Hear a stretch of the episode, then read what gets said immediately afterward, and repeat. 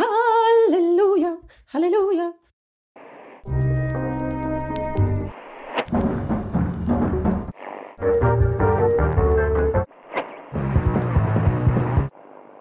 Välkomna till Football Radical, Fussball Radikal. Podden där vi klär av den moderna fotbollen och klär på den igen. Där vi vänder och vrider på Jorge Valdanos intellektuella och Maradonas impulsiva genier. Där vi också letar efter lite hopp om den moderna fotbollen. I brist på det, hopp om den mondäna fotbollen. Men allra mest gör vi ju den här podden för att vi ska ha en bra ursäkt att få hänga i en timme på telefon och fakturera för detta, Simon Bank. Hur är läget med dig? Jättebra faktiskt. Eh, mm. Får jag säga, eh, om man ska betygsätta ditt lilla intro, säga att du var befriande mänsklig och nyanserad. ja, precis. Det är mitt, eh, det är mitt signum. Ja, det är ju faktiskt det. Eh, vi måste informera alla lyssnare som inte är bekanta med detta faktum om att eh, Johanna Frändén är årets Jolo-stipendiat. Tilldelats pris för att hon verkar i Jan-Olof Jolo Olssons anda. Ett stort och vackert DN-pris som gör i alla fall mig både ödmjuk och väldigt, väldigt stolt. Grattis Joe! Du är fantastisk och det verkar som att världen börjar upptäcka det också. tack, tack. Ska vi gå vidare till veckans ämnen? Gå vidare, jag, jag tycker att det var ett bra ämne att bara fördjupa sig i. det, här, ska, det här blir liksom mer med podden där vi så snör in på... På dina priser? på varandras, på, på, på, våra egna genier. Mm. Uh, ja, nej det var roligt. Det var roligt. Tycker jag med. Roligt och mm. välförtjänt. Mm. Um, vad, vad har hänt sen sist då? Uh, ja, vad har hänt? Uh, jag har haft den här sortens vecka som har präglats av, av sjuka barn. Uh, har också sprängt in lite fotbollstittande i mitten. Lite, mycket italiensk fotboll. Det känns som att den har fått någon slags publik revival som man dras med ifrån en svensk horisont. Mm. Det är kul att kolla Serie A igen som om det någonsin har slutat vara det, men, men kanske extra roligt eh, nu. Jag tittar lite på Lazio, tittar lite på Milan, eh, tittade lite på Tottenham, framförallt sista tio sekunderna. Eh, ja, det är väl ungefär det jag har gjort tror jag. Mm. Och firat alla hjärtans dag såklart. Såklart. Denna kommersiella skithögtid som alla vi intellektuella tråkmånsar säger. Ja, och ni har ju helt rätt såklart, men försök att komma undan. Det är faktiskt, det har ju varit eh, alla dag också i fotbollsvärlden. Jag vet inte hur mycket du har eh, noterat detta, men eh, det är inte så... Det är, det är en hel del, både liksom klubbar och spelare som uppmärksammar detta. Jag tyckte nästan att det roligaste var de, det belgiska landslaget, Red Devils lilla grepp här som ja, men på något sätt ihop med datingappen Tinder då. Tinder som är för övrigt allt, en allt vanligare sponsor. Manchester City har väl ett avtal med dem och ja, det finns ju, det blir ju upphov till ganska roliga ändå reklamkampanjer kan man säga.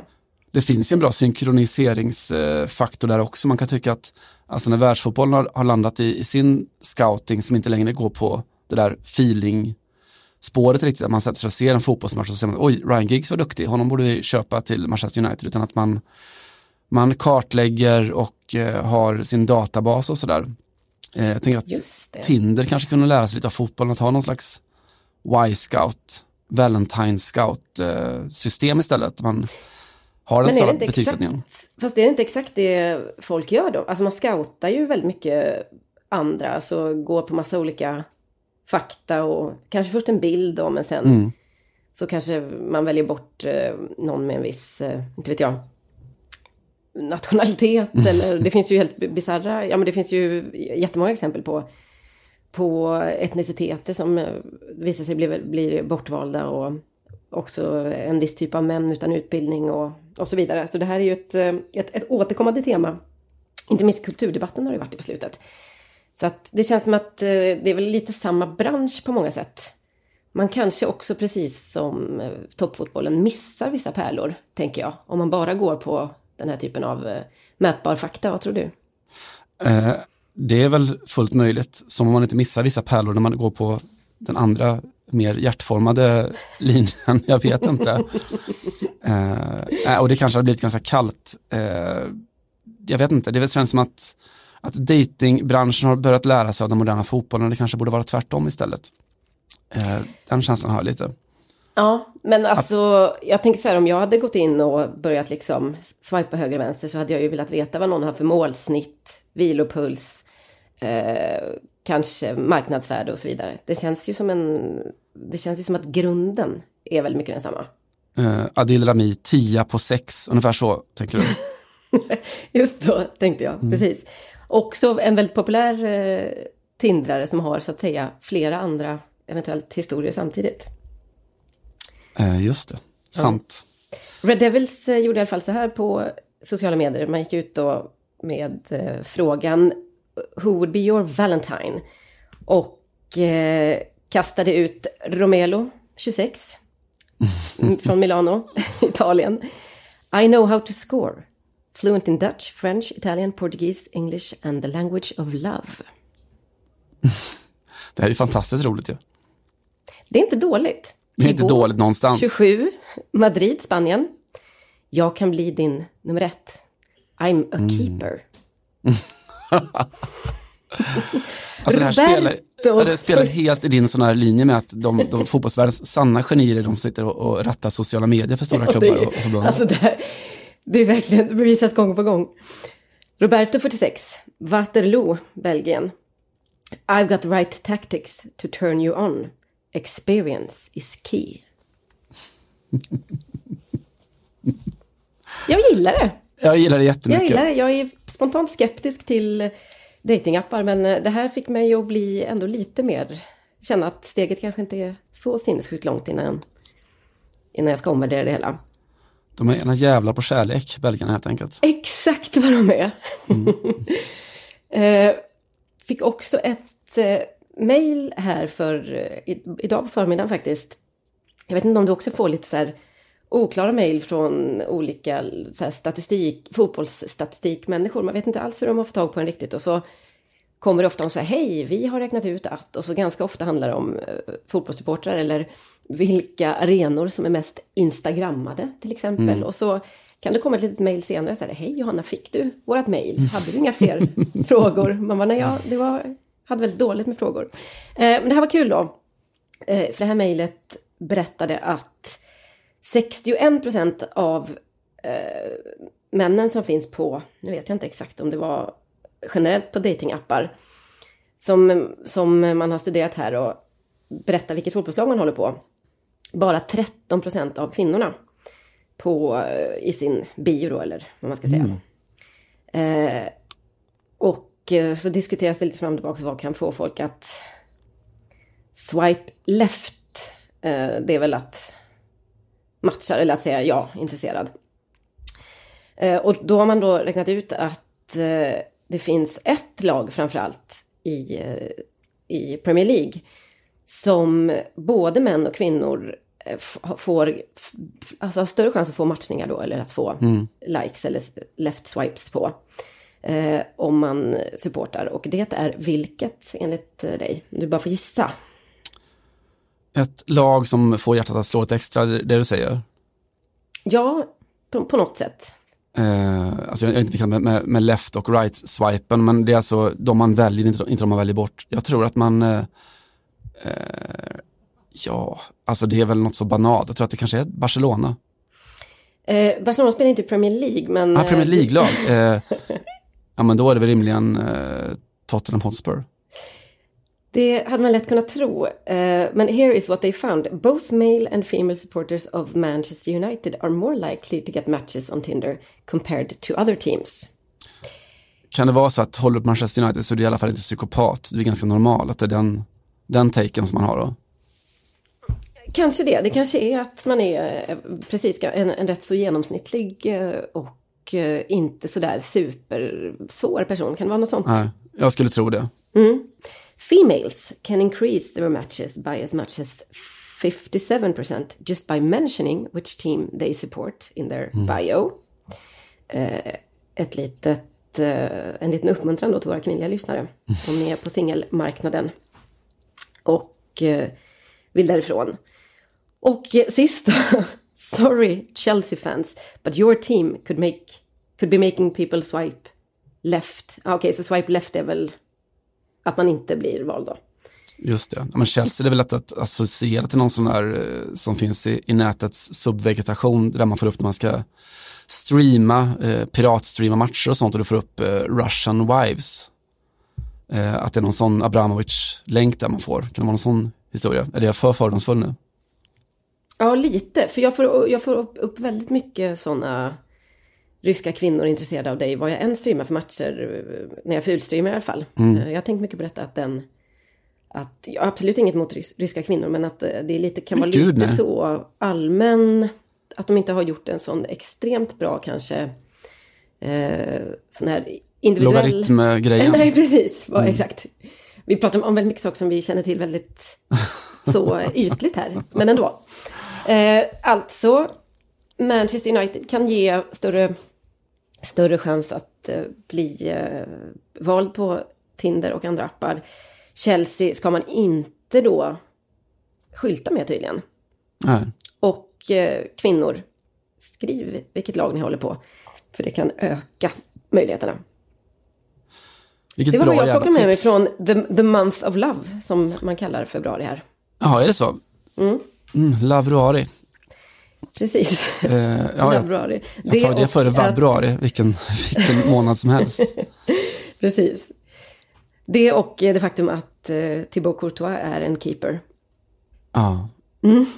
Eh, jag tror att Kevin De Bruyne eh, begs to differ. Eh, och så får, det är en sån här, ett skoj som kräver viss förkunskap. Eh, de som har det, har det. De andra får googla eller något. Eller gå in på Tinder. Eller gå in på Tinder, precis. Eller gå in på Tinder.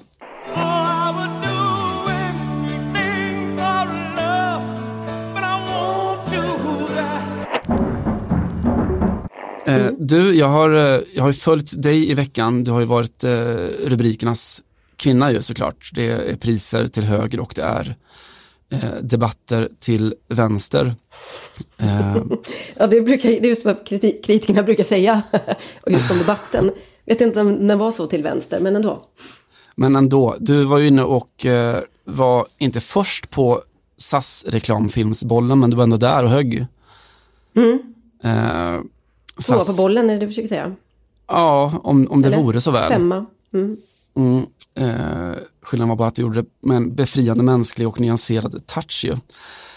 Eh, och mest eh, reflekterade kring hur eh, om man ska begå debatt i Sverige så det vi pratar om är reklamfilmer. Det finns inget som rör upp det, det svenska folkkynnet och humöret som en, eh, en illa eller välplacerad reklamfilm.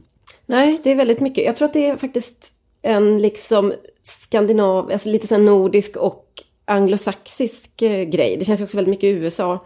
Det är mm. väl att vi är så extremt influerade av USA så att där kan ju också en, en reklamfilm som har någon form av eh, politiskt korrekt budskap få folk att gå i överspinn. Och mm. så, är det, så har det verkligen blivit i Sverige också. När jag såg allt det där så jag återkopplade lite till en, en text jag läste någon gång i slutet av 2019 eller före jul kanske till och med. Simon Cooper, eh, den epokgörande fotbolls och samhällsjournalist som skrev en krönika då i Financial Times under rubriken These days covering politics is much like covering football. Eh, jag var inte missnöjd med att han gjorde vår årsgamla spaning där om att eh, politiken har blivit som fotboll. Eh, med liksom, där alla är fans och förenklar och fördummar och blir enkelspåriga och sådär. Att du, det handlar mer, ideologi handlar mer om att välja ett lag och sen köpa ett paket, eh, köpa halsduken och stå och skräna på läktaren och så. Mm. Medan fotbollen omvänt har blivit politik som handlar om pengar och globalisering i, i allt högre grad. Och, eh, Uh, Cooper skriver att uh, there's, a, there's the, same blaming of referees and empty slogans. There's also the same abuse. Uh, för att återkoppla till ditt, uh, ditt lilla inspel där då så jag tycker generellt finns det ju inte mycket som är värre än det här jävla uttrycket om att någonting är typiskt svenskt då. Som, som pejorativ. Men i det här fallet så är jag benägen att hålla med dig väldigt mycket då. Att vi, vi pratar väldigt mycket i Sverige om reklam eller fiktion och liksom låtsas att det är dokumentärt. Mm. Eh, annan eh, grej på, på samma tema, eh, Sayed Al-Nahal, eh, DN-reporter då, som är kommit från, från Syrien. Han sågade den här SVT-serien Kalifat, eh, om du sett den? Nej, tyvärr. Och han såg han då utifrån att den, den erbjuder liksom inte några motbilder då till sådana här rackarresande muslimer. Eh, den ger liksom inga vägar in i, i det svenska samhället för den eh, välfunktionerande, normala IS-hatande eh, muslimen då. Eh, och det tyckte jag var en typisk, eh, typiskt inpass i, typiskt svenskt var det helt enkelt. Mm. Det här med att du, du kräver ett 360 perspektiv av, av konst eller litteratur eller vad det är. Du får liksom inte missa någon dimension. Ja, just det. Eh, det måste med allt då, men alltså, konst eller litteratur, det är ju alltid att välja och välja bort liksom, och ge en, en bild. Eh, det här med att en tv-serie måste ge alla bilder och liksom måste vara så här hem och skola stämplad och vara uppfostrande på något sätt. Just det, uppbygglig. Ett dåligt exempel måste följas av ett bra exempel. Precis så, exakt så. Mm. Så Eh, man känner att alla fjol- inte är islamister då, antar jag. I, Nej, precis. Inte Mm. alla män och inte alla muslimer och inte alla, vad fan det nu är. Vi hade liksom den här, Chelsea, Eh. inte alla Chelsea-supportrar, kanske vi ska säga till er som är ute på Tinder och swipar. verkligen, och inte alla Left. målvakter heller för den delen. eh, jag tänkte på den här Birro-filmen, inte alla Birro, eh, från i fjol om, om Martin Schibbye och, och Jan Persson där. Eh, om, eh, om deras tid i fängelse i Etiopien. Eh, och det är jävligt svårt här woke-stämpla eh, Martin Schibbye, man älskar honom såklart. Eh, men han var ju kritisk mot den filmen. Eh, Just det, för- den var inte som de hade upplevt det riktigt och man fick Nej. inte med den här fina stämningen som hade, lojaliteten och solidariteten mellan interner i fängelset, var det inte så? Precis, det var för lite utrymme för medfångarna, de andra Mm. Ja, dissidenterna i interner i fängelset. fängelset. Precis, det är väl de, ja exakt. Sorry. Eh, och jag blev lite trött av det också, för det, det är klart som fan att det var, det var, inte, var inte verklighet det där. Liksom. Alltså, filmen är två timmar lång och de, den skildrar 15 månader. Eh, Alltså en, en del faller ju bort, det har varit en jävla tråkig film annars. Mm. Men det är så talande det där, för att världen är ju, är ju sån, den är upp och ner. Liksom det som vi pratar om eller debatterar i, i alla former av kulturkrig, det är ju reklamfilmer eller konst eller litteratur. Det är liksom som om verkligheten har blivit för svår för oss, att vi, vi, vi kräver storytelling istället. Mm. Eh, omvänt och politiska budskap, det, det handlar inte om världen längre, utan om berättelsen om, om världen Just det. eh, fotbollskopplingen då, att i vår värld som ju är en berättelse, som är storytelling, som är så oerhört romantisk, det vill säga fotbollen som sport, den duger inte längre, utan den, den får inte vara en berättelse längre, den får inte vara storytelling, utan den måste vara sanning, eh, den måste vara faktisk och vetenskaplig och mätbar och var och eh, ja, det räcker inte, fotbollen kan inte längre bara vara en en saga, en romantik och en kärlekshistoria för att vara Valentine igen. Eh, den måste vara tydlig, den måste vara konkret. Mm. Medan världen runt omkring, eh, ja, på så sätt så är fotbollen fortfarande liksom kompensatorisk. Där den förut var det som verkligheten inte var, så har verkligheten blivit det fotbollen var och fotbollen blivit det verkligheten är. Och det är lite det som gör att eh, Olivier Giroud kan inte få göra ett superinhopp då alla tvivlare sitter och tycker att han är värdelös. Så kan han inte få hoppa in och sätta en helt fantastisk nick för att han var liksom fem centimeter fel med ena foten Ja. i ett offside-läge. Precis så. Mm. Låt det vara. Låt, eh, alltså låt romantiken och storytelling finnas hos oss på läktarna så kan väl politiken och debatten syssla med de verkliga frågorna istället. Is my take. Det finns väl ett eh, jättefint, lite gammalt nu exempel som jag vet att du skrev om för att du bevakade den här matchen. Och det var Paolo Maldinis näst sista match med Milan och det var en bortamatch då. Han skulle liksom få avsluta karriären på hemmaplan och begå någon form av regelbrott som gör att han egentligen ska dra på sig ett gult kort och missa sista matchen. Mm. Och domaren har så bra bollkänsla att han förstår att jag, den, jag kan inte gå in och fatta det här beslutet. För jag förstör för mycket av eh, romantiken kring och det som faktiskt både Milan-supportrar och eh, Paolo Maldini förtjänar här. Och låter det gå. Ja, Eh, Låter nåd gå före rätt? det hade inte gått, han hade inte fått spela sin sista hemmamatch om VAR hade funnits på den tiden i Serie A. Nej, så är det ju. Och det, det är egentligen enda argument du behöver emot VAR. Mm. Faktiskt. Nej, det är för att domaren i det, sin gudomliga viset insåg att det där domslutet handlade inte om en sekund, det handlade om 30 år. Det var det han hade att bedöma. Bara kommer att tänka nu på eh, Giroud som har det lite tungt i Chelsea. Chelsea som förlorade en, en väldigt eh, kul match för övrigt mot eh, Och han kan inte ens United. dejta längre. Nej men alltså, nej. nej, men han har väl i och för sig spelat ut korten lite dåligt på, på äktenskapsmarknaden också. Eh, för några år sedan när han blev eh, påkommen med, eh, det var en riktig sån kiss and tell historia. Det var väl en tjej som hade tagit bilder i, i liksom sovrummet mer eller mindre och äktenskaplig kris och så vidare. Det var The Sun tror jag som publicerade det. Så det är inte, kanske inte så jättesynd om honom på den, på just den delen. Jag tror att han kanske fortfarande har, eh, alltså han har väl säkert en ganska bra, ett ganska bra raggningsutgångsläge om han vill Han det. spelar i Chelsea, Johanna. Ja, men han spelar i Chelsea och det är uppenbarligen inte bra då. Det kan få folk att rygga tillbaks på Tinder. Giroud förresten, vi pratade aldrig om det. Vi noterade båda två och pratade om det tror jag, oss emellan, att eh, vi vart lätt överraskade över att när han klev fram och var redaktör för ett helt nummer av en fransk kristen tidskrift. Jag visste inte ens om att han var troende. Nej, och han är väl också troende på det där frikyrkliga sättet va? Eh, Så evangelisk troende.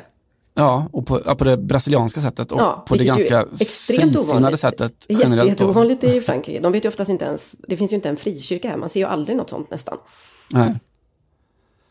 Mm. Eh, intressant. Nej, så jag vet inte. Att vara striker plus att vara frikyrklig, kanske negativt, jag vet inte. Och att vara Chelsea-spelare negativt. Sitta på bänken i Chelsea, det är inte, det är inte många rätt. Nej, jag tror inte det. Nej. Vi, vi önskar honom lycka till i the month of love. Oh well, oh well. Eh, du, jag tänker, apropå det här med kvinnor och män, ta upp en sak som jag eventuellt inte ens har pitchat så mycket eh, för dig, men eh, vet inte om du har noterat att USAs herrlandslag har varit ute och tyckt saker i veckan. Absolut inte. De, det är väl inte det så här prototypen för ett lag som glider lite under radarn så att säga. Ja, man kan väl säga det. Eh, det är alltså deras eh, då herrlandslagsmännens fackliga organisation som klivit ut och borde fått mycket mer uppmärksamhet. Som amerikaner och män ofta kan känna. Eh, vi har ju snackat väldigt mycket om, om USAs damlandslag och deras kamp för att höja sin ersättning från förbundet för landslagsspel. De har pratat om strejk och de har använt, verkligen använt sin, sin position och sin relativt nyvunna status till att, eh, att protestera. Eh, vi minns då VM-finalen där när hela, eller hal, hela halva publiken stod upp och skrek equal pay och så.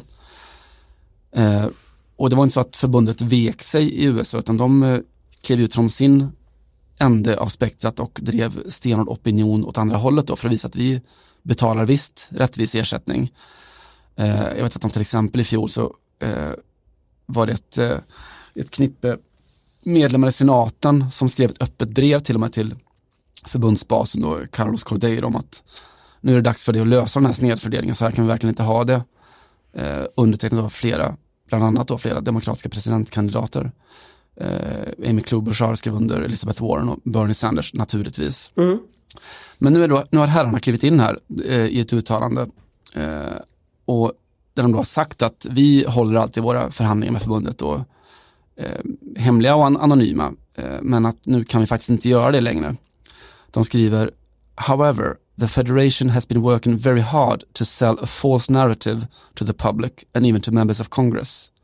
They have been using this false narrative as a weapon against current and former members of the United States Women's National Team.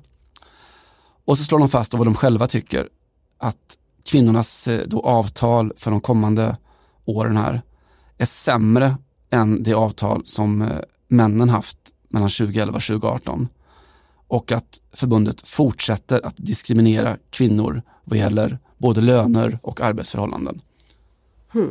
Man blir ju glad va? Mm. Eh, vi kan väl ta med oss det in i den svenska kontexten eh, när det gäller nästa förhandling med förbundet. Eh, och jag tror också att de männen där inser väl att det är bra för alla eh, om kvinnorna behandlas rättvist eh, och likvärdigt. Det, är ju, det här är ju politik lite på riktigt, det är kanske också lite symbolpolitik från, från politiskt håll. Men det är i alla fall en riktig fråga, till skillnad från att vara en svensk partiledare och gå ut och ha så synpunkter på en reklamfilm som är en sån superkonstig grej att göra som politiker överhuvudtaget. Sen kanske man kan så leva med att några hoppar på någon form av populisttåg. Men det är ändå mm. väldigt konstigt man börjar fundera på vilka dörrar det här öppnar. Om vi ska ha så partiledare som går in generellt och kommenterar reklam. Vilka är bra. Man ska kanske inte köra det tåget i alla fall. Vilka är dåliga. ah. Det här håller jag inte med om. Eh, det äh, där det var väl ingen fin jacka. och den där bilen tycker jag inte alls är det bästa som har hänt familjen eller storfamiljen eller vad det nu är för sådana här kombibilar. Ja, Nej. Nej, så fullkomligt sinnessjukt. Och sen, alltså, utifrån ett SAS-perspektiv, att det, man förstår ju att deras eh, PR-avdelning har, har jobbiga tider. Att hur får vi folk att flyga när hela världen och politiken, inte hela världen och politiken, men bra nära i alla fall, tycker att vi borde flyga mycket mindre. Eh, och så kliver de in och lyckas få debatten till att handla om någonting helt annat. Är det, är det bra att få intryck från världen eller inte? Också det här, vi gör en, eh, en reklamsnutt som tilltalar precis de som annars pratar om flygskam. Mm. Så tvingas de att börja älska oss och ta oss i försvar. Ja. Vilket ju också är en helt bisarr hållning på alla sätt. Ja, alltså SAS som de stora vinnarna får man ju säga, alldeles eh, oavsett och eh, världen som de stora förlorarna. Vad jag vill vet jag bäst, men i en värld där tomma tunnor skramlar mest. Jag vill i alla fall minihylla eh, det amerikanska spelarfacket. Jag tycker att det var, och vi har ju sett den här eh, tendensen över snart sagt hela världen nu med att det faktiskt eh, inte bara är kvinnor som styr kvinnors rätt, utan att det finns även manliga spelare som, som kliver in och tar, sluter upp i fighten under fanan. Ska vi hoppa jättelångt framåt? För du hade någon sån superframtidsspaning som jag är lite intresserad av. Jag tänkte vi skulle prata lite om, om tv och låtsas att det är dokumentärt och verkligt. Mm. Eh, som du förstår, alltså efter en sån här eh, vab-vecka då, så då ser man ju en del på, man sitter och streamar en del, inte bara fotboll, utan jag har sett också eh, SVT-serien som heter 2050. Eh, där Erik Hag och Lotta Lundgren eh, gör det Erik Hag och Lotta Lundgren gör. Eh, plockar in sig själva i centrum för att eh, underhålla och informera, infotainment. Eh, har du sett det någonting? Har inte sett det. Jag vet att, en, vad det handlar om. Men, ja, du är ändå militant klimatextremist och du har inte ens orkat. Jag satt på ett plan hem från eh, Göteborg, vad tror jag, när det sändes. Där jag satt och hycklade. SAS åkte jag med för övrigt. Satt och skämdes. kan man säga. Eh, deras ingångsvärde är att 2050 så ska ju Sverige då vara koldioxidneutralt, alltså att man ska inte längre då bidra till växthuseffekterna. Mm. Eh, och skildrat då i fyra avsnitt hur vi kommer att resa och äta och jobba och bo om 30 år då utifrån ren och skär nödvändighet. Det de inte tog upp då, vid sidan av resandet, ätandet, jobbandet och boendet var ju fotbollen ju. Vad dåligt. Eh, uselt. Jag vet inte vad du har för koll på, på Hag och Lundgren och deras fotbollskunnande så. Nej, men jag skulle tippa på att det är ganska så bra faktiskt. Eh, Erik har ju faktiskt, jag har faktiskt gjort fotbollsjobb tillsammans med Erik ja. eh, för kanske 20 år sedan. Det var ju bland det roligaste jag gjort. Just det. En, eh, jag fick faktiskt en idé pitchad för några år sedan, får man väl säga, när det mm. inte blev något. Eh, om en serie om fotboll just där han skulle vara delaktig och eventuellt jag också. Det skulle så, du sagt ja till ju. ja, det, det, gjorde jag nog eventuellt, mm. men den blev väl inte, ja. Skitsamma, nej men eh, jag, jag, ehm, jag är djupt besviken utan att ha sett det här programmet då. Att de inte, just på att de inte tar upp eh, fotbollen, för det känns ju som att fotbollen 2030, mm, är det ett stort då så här Green Forest Rovers samhälle vi har att göra med? Fan community. Ja, vad tror du? Ja, jag tror det. Alla är veganer. Varenda arena är byggd i trä. Och all sån eh, matolja som blir över från köket när man lagar mat till spelare och publik används sen som någon form av bränsle. Massageolja. bränsle till, eh, inte vad var det, gräsklipparen som, som klipper gräset. Som inte har gödslats med några form av kemikalier. Utan som är gjort med olivkärnor. Eh, som nere i Provence. Precis. Eh, jag tycker om det och Hector Bellerin som Fifa-president. Exakt. Ja, man Drömmen. Förresten såg du vem som ska bli, eller vem som kandiderar till att bli spanska fotbollsförbundets president? Ja, det är ju gamle Iker, såg jag. Ja, visst, visst blir man glad av det. Casillas 2020. Mm. Bara, det, alltså det låter som, det är inte ens en slogan, det är bara ett eh, konstaterande att han ställer upp. Men eh, jag håller inte för osannolikt att han kommer få ganska många röster. Framförallt för att de är så otroligt kritiserade där. Ja, de är ju det. Eh, jag tror att det kanske, ja det vore kul om inte annat. Alltså Iker Casillas 2020, Bejerin 2050, vi har någonting där tror jag. eh, jag tänkte lite för att sådär, ta avstampet framåt och titta på vad, återigen vad Hector Cooper skrev om, om hur den här nya fotbollen har, har kommit till. Han skriver om He hur... Hector Cooper. Sa jag det? Ja, det hade varit något. eh, tränaren som någon skrev om, kanske, alltså jag gissar att det var Sid Lowe som skrev att hade det funnits en tävling om, om att komma tvåa så hade han blivit tvåa i den.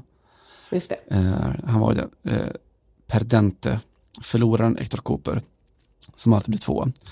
Eh, nej, Simon Cooper såklart. Han skriver om hur the world in the mid-90s seemed to be moving towards the light. Communism and apartheid had fallen. Konstig beskrivning, men ja, i alla fall. Wars were ending, economies were growing and though climate change was becoming a worry, I thought the grown-ups would get together and fix it, just as they fixed the ozone layer, by giving people more information. Eh, han skissar på 90-talet då, när när antifascistiska skyddsvallen föll och totalitära regimer försvann. Ekonomin exploderade, globaliseringen kom och vi fick då den moderna fotbollen eh, som vi lever i nu då. Jag tror, som du, att eh, fotbollen 2050 kommer att präglas av eh, rekylen, eh, backlashen från allt det vi ser idag. Eh, inte bara klimatet kanske, utan också från det digitala. Vi kommer ta ett steg tillbaka till IRL-fotbollen igen. Mhm, tror du det? Eh, jag tror det. Eh, Man kommer vilja vara på plats menar du? Ja, jag tror det. Eh, backlash såklart från hela det här globala då på grund av klimatet.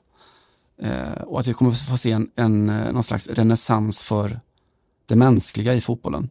Jag tror så här, vi kommer vända till USA och få två stycken parallella sorters fotboll 2050.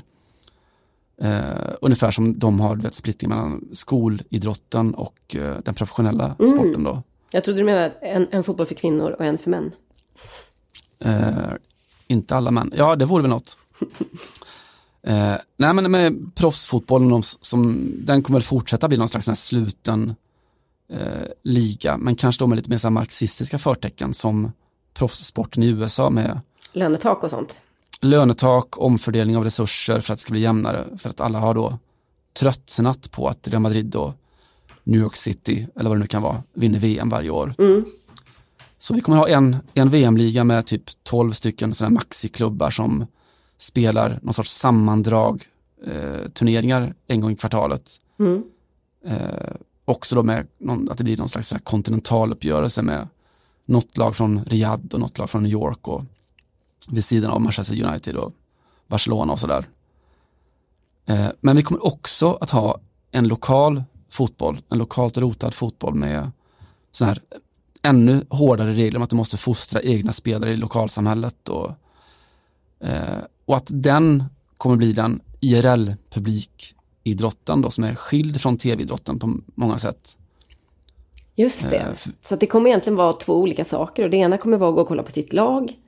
Eh, och vara, känna den mänskliga värmen och vara fysiskt på plats. Och det andra kommer vara att sitta och glo på tvn på ett gäng, fortfarande då multimiljardärer som man inte riktigt eh, har någon närmare relation till än så.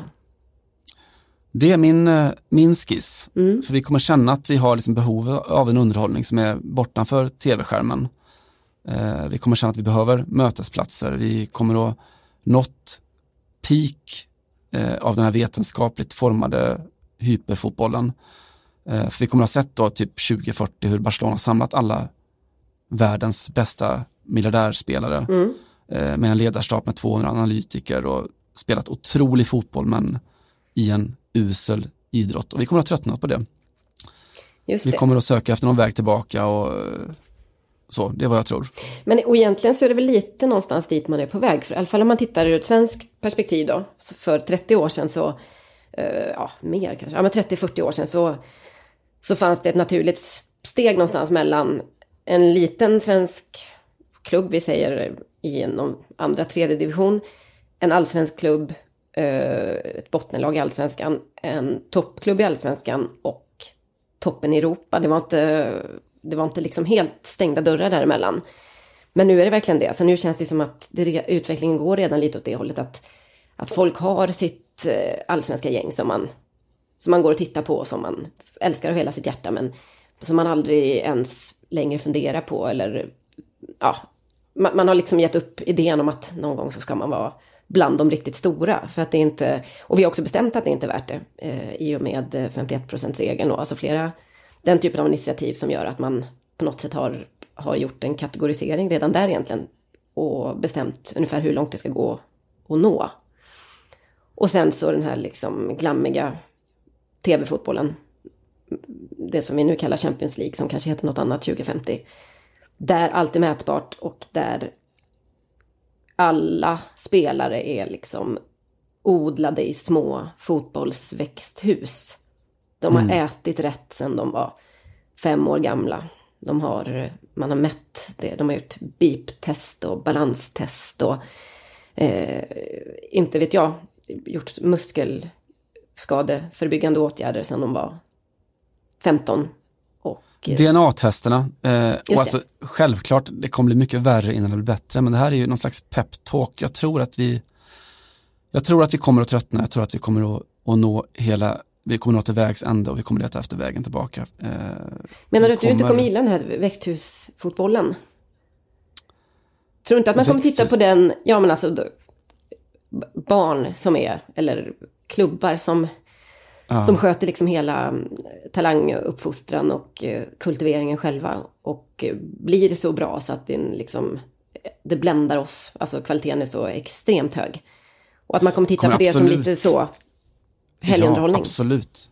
Man kommer, man kommer se på den ungefär som du ser Hollywoodfilmer nu. Alltså du ser en välproducerad Hollywoodfilm och tycker att den är fantastisk. Eh, men det är fortfarande så att Sunes jul når ut till massorna i, i Sverige eh, och slår publikrekorden. Mm. Eh, och jag tror att det kommer vara lättare att sympatisera med den hyperfotbollen när den tar av sig hela sin, sin dräkt och visar exakt vad den är för mm. någonting eh, fullt ut. Mm. Men jag tror att konsten kommer hitta tillbaka till fotbollen. Det är min 2050-take. Jag tror att vi kommer att höra sångerna om fotboll och vi kommer inte bara att sjunga med utan vi kommer att höra återigen vad det är de handlar om. Eh, som till exempel det som de sjunger före Fiorentinas matcher. När de sjunger i stunder av förluster och segrar minns att fotbollen är din historia. En hymn där som de skrev i barborden i Florens, den äldsta hymnen i den italienska fotbollen. Narciso Parigi skrev texten för 60 år sedan ungefär. Eh, Narciso Parigi som också dog nu i förra veckan, 92 år gammal. Om 30 år så kommer vi återigen förstå precis vad det är han sjunger om. Nenora Disconforto di vittoria, ricorda che del calcio e tua la storia. Oh Fiorentina, di ogni squadra ti vogliamo regina. Combatti ovunque ardita con valor. Nell'ora di sconforto di vittoria ricorda che del calcio è tua la storia. Jag introducerade väl förra veckan konceptet Veckans klubb Hey, I'm Ryan Reynolds. Recently, I asked Mint Mobile's legal team if big wireless companies are allowed to raise prices due to inflation. They said yes. And then when I asked if raising prices technically violates those onerous two year contracts, they said, What the f are you talking about, you insane Hollywood ass? So to recap, we're cutting the price of Mint Unlimited from $30 a month to just $15 a month. Give it a try at mintmobile.com slash switch. $45 up front for three months plus taxes and fees. Promo for new customers for limited time. Unlimited more than 40 gigabytes per month. Slows. Full terms at mintmobile.com. Det kommer bli ganska lätt. Det kommer bli lättare kanske att hitta veckans klubb än veckans WAG som jag tänker att vi får hålla vilande tills det verkligen finns starka skäl. Eh, veckans klubb, det finns en hel del, ska man säga, kombatanter som, som slåss om utmärkelsen. Man hade kunnat prata om Manchester City. Eh, mm. Det har vi inte gjort. Vi kan väl bara nämna det lite snabbt. Hoppsan hejsan, så här går det. När man inte sköter... Exakt så. När man inte sköter sin bokföring eh, ordentligt. Eh, fråga kolon Simon Bank, tror du att det här straffet kommer att stå sig efter att man har övertal, övertalat, nu ska du höra, överklagat hos KAS? Nej, det kommer det ju inte. Alltså, jag tror att det kommer bli en, lång rättslig process och sen så kommer väl straffet att mildras, att bli antingen kännbara böter, som det heter, som inte känns alls, eller möjligen kanske en kortare avstängning, kanske ett års avstängning. Men eh, fan vet, jag tror inte ens att de kommer att stängas av så pass. Vi har ju tidigare sett eh, Manchester Citys eh, kontakter in i, i fotbollens beslutande församlingar. Jag tror att de kommer lösa det här också. Gulligt förresten, jag såg att, eh, att Jürgen Klopp var ute och uttalade sin sympati medan eh, Ole Gunnar Solskjaer inte gjorde det. Ja. Ja, det, alltså jag, jag, tror faktiskt att de som uttalar sin sympati nu gör det lite för att de känner att jag är helt säker på att vi har ett helt cleant record i min klubb här. Det mm. kanske är bättre att bara vara lite socialt eh, smidig här. Eh, det finns ju så att säga ganska, stor, ganska stora möjligheter annars att man säger saker som någonstans eh, kommer förfölja en i framtiden. När det visar sig att Liverpool har har eh, brutit Financial Fair Play-reglerna. Eller vad, något liknande. Kan man väl tänka sig ja, Men, Verkligen, och det är också kul att se att, att Financial Fair Play, alltså för varje dag som går så blir det tydligare och tydligare att det kanske inte riktigt har varit det som det såldes in som fullt ut, att eh, det skulle vara något som jämnade ut spelplanen. Det har inte varit egentligen överhuvudtaget. Det har ju bara slagit in kilar och eh, cementerat eh, att de det är ännu svårare att komma ikapp de, de stora. Mm. Ja, det finns väl lite olika ingångar på det där. Kan man, men man kan väl i alla fall konstatera att det inte riktigt blev som det var tänkt från början. Sen huruvida det fungerar bra eller dåligt det är väl beroende lite på hur man, hur man ser på det. Jag menar, PSG till exempel, som ju kanske också borde ha åkt dit eh, tidigare, har ju, där, från PSGs sida har man ju argumenterat att man, det här stoppar oss från att komma ikapp för att vi är liksom en klubb som börjar på, som, ja, som snabbt vill komma upp bland de stora och vara konkurrenskraftiga. Och, och vi blir lite stoppade från, från det på grund av eh, att man då måste hålla siffrorna ner eller någon form av balans i alla fall i sin eh, budget. Eh, veckans klubb är trots allt mer än en klubb. En eh, Igen. institution. Ja, precis. Men det är inte Forum denna gång, utan eh, FC Barcelona. Hur kan det vara något annat? Det kom ju fram i början av veckan här, måndags, igår när vi spelar in, att eh, det kan vara så att Barcelonas president eh, José Maria Bartomeu eventuellt har med klubbens pengar då betalat ett företag för att sprida riktigt dålig stämning på internet skulle man kunna säga för att liksom förklara lite övergripande vad det handlar om. Ni har kanske läst eh, texterna, det, det ska ju då vara ett, eh, någon form av digitalt eh, desinformationsföretag, alltså ett, ett, ett gäng olika konton i sociala medier som på olika sätt ska då sprida skit om motståndare såklart och antagonister till FC Barcelona. Men inte bara, utan också före detta spelare och tränare och nuvarande tränare och, eller nuvarande spelare i alla fall, till exempel Lionel Messi, som ska mm. vara en av de här måltavlorna. Gerard Piqué också, eh, Xavi har ni sett och eh, Pep Guardiola. För att nämna några. Eh, och jag såg det här och tänkte alltså det här är ju en gigantisk skandal. Och det förstod väl också Bartomeu och eh, ganska så snabbt så gick ju Barcelona ut och sa att det här är falskt, det stämmer inte. Men den eh, etermedia, Cadena Ser var det väl i i Spanien står ju på sig och säger att man har bevis för detta ungefär och att eh, Barcelona har gått med på att man har betalat någon form av företag för att eh, liksom hålla igång snacket om klubben och La Liga i, på sociala medier. Men att man inte så att säga riktigt har kontrollerat hur detta går till. Eh, det är lite tid, det är lite svårt här tycker jag. Alltså, först och främst, eh, kudos till Barcelona för att de verkligen visar sig vara världens mest moderna klubb som alltså ägnar sig åt någon form av nästan så här eh, Kreml-desinformationskampanj i, det, alltså det är verkligen så 2020-talets eh, digitala krig, krigföring som de har tagit fasta på här. Och så, även om man då säger att det blev lite fel. Eh, men det är otroligt svårt att veta vem man ska tro på här, vilket ju också känns väldigt typiskt för hur eh, desinformation och, och den här typen av digitala krig går till. Vad tajmingen till exempel, superdålig tajming, kan det, det kan du alltid känna som att det är, men just nu är det också det är en Champions League-vecka. Eh, man har tappat eh, ledningen till Real Madrid i La Liga. Man har en ny, ganska svag tränare i alla fall på pappret. Och det fanns redan en konflikt mellan Lionel Messi och sportledningen med Erika Abidal sen ett par veckor. Alltså det är verkligen en klubb som har hur mycket problem som helst. De hade liksom 99 problem, men sociala medier var inte ett. Men nu är det så att säga det också. Men alltså Bartomeu, den har gjort alltså, han har erkänt att han känner en bott, så att säga, men inte... men jag visste inte, inte att, att hon hette Anna. Meningen. Just det.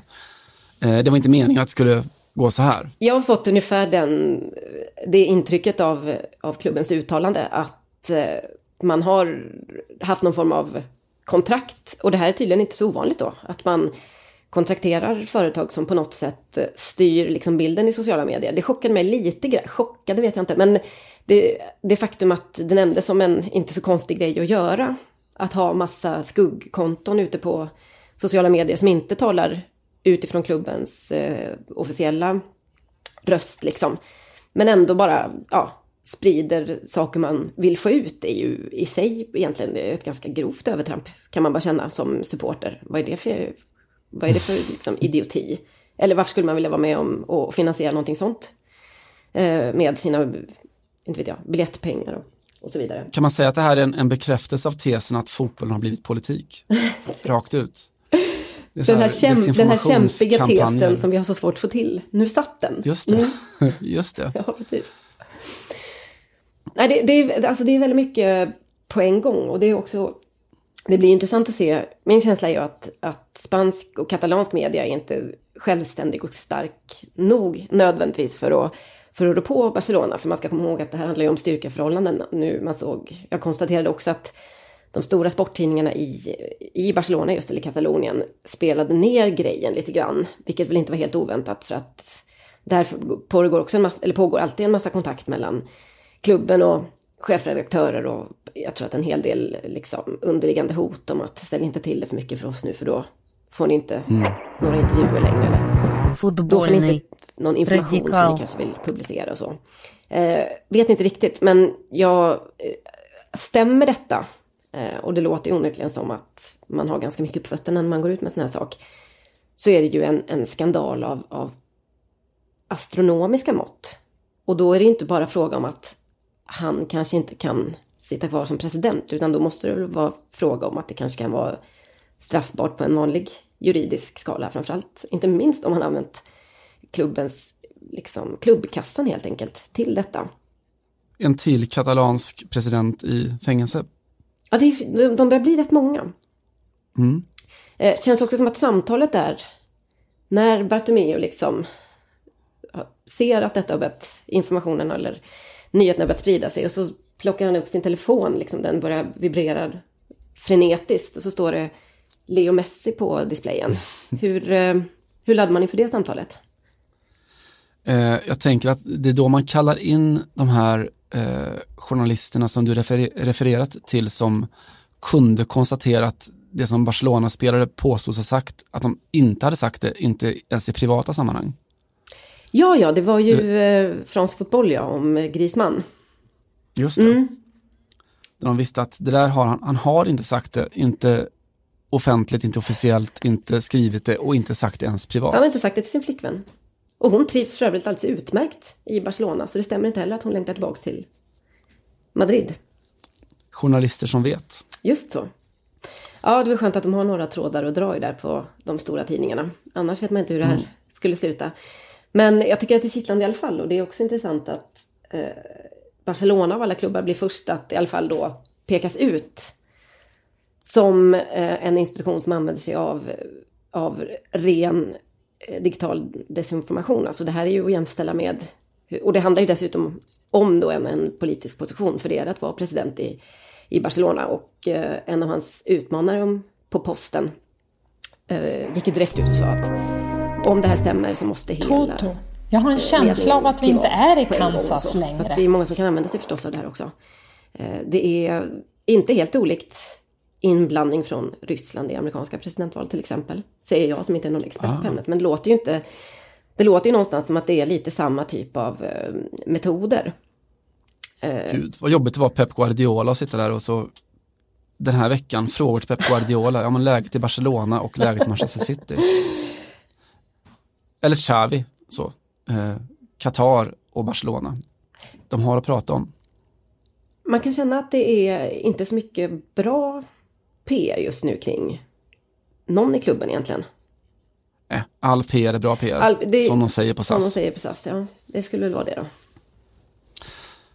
Eh, nej, fascinerande är det i alla fall. Eh, en, det här är i alla fall, det är ju en rolig skandal till skillnad från Manchester City-skandalen får man säga. Alltså den här är ju fruktansvärt rolig också för att de här kontona som man har som man har eh, skärmdumpat och lagt upp, det finns, eh, det kommer ut på, om man vill titta på dem på, på podcast Radikal på Twitter, är ju extremt kackigt gjorda. Alltså avsändaren är extremt så flummig, lite oklara namn, någonting Deportes, da da da, eller kanske vi, eh, vi är Barcelona, kan någon, något konto heta. Och så sprider en skit om Leo Messis fru Antonella. Alltså det är på den nivån verkligen.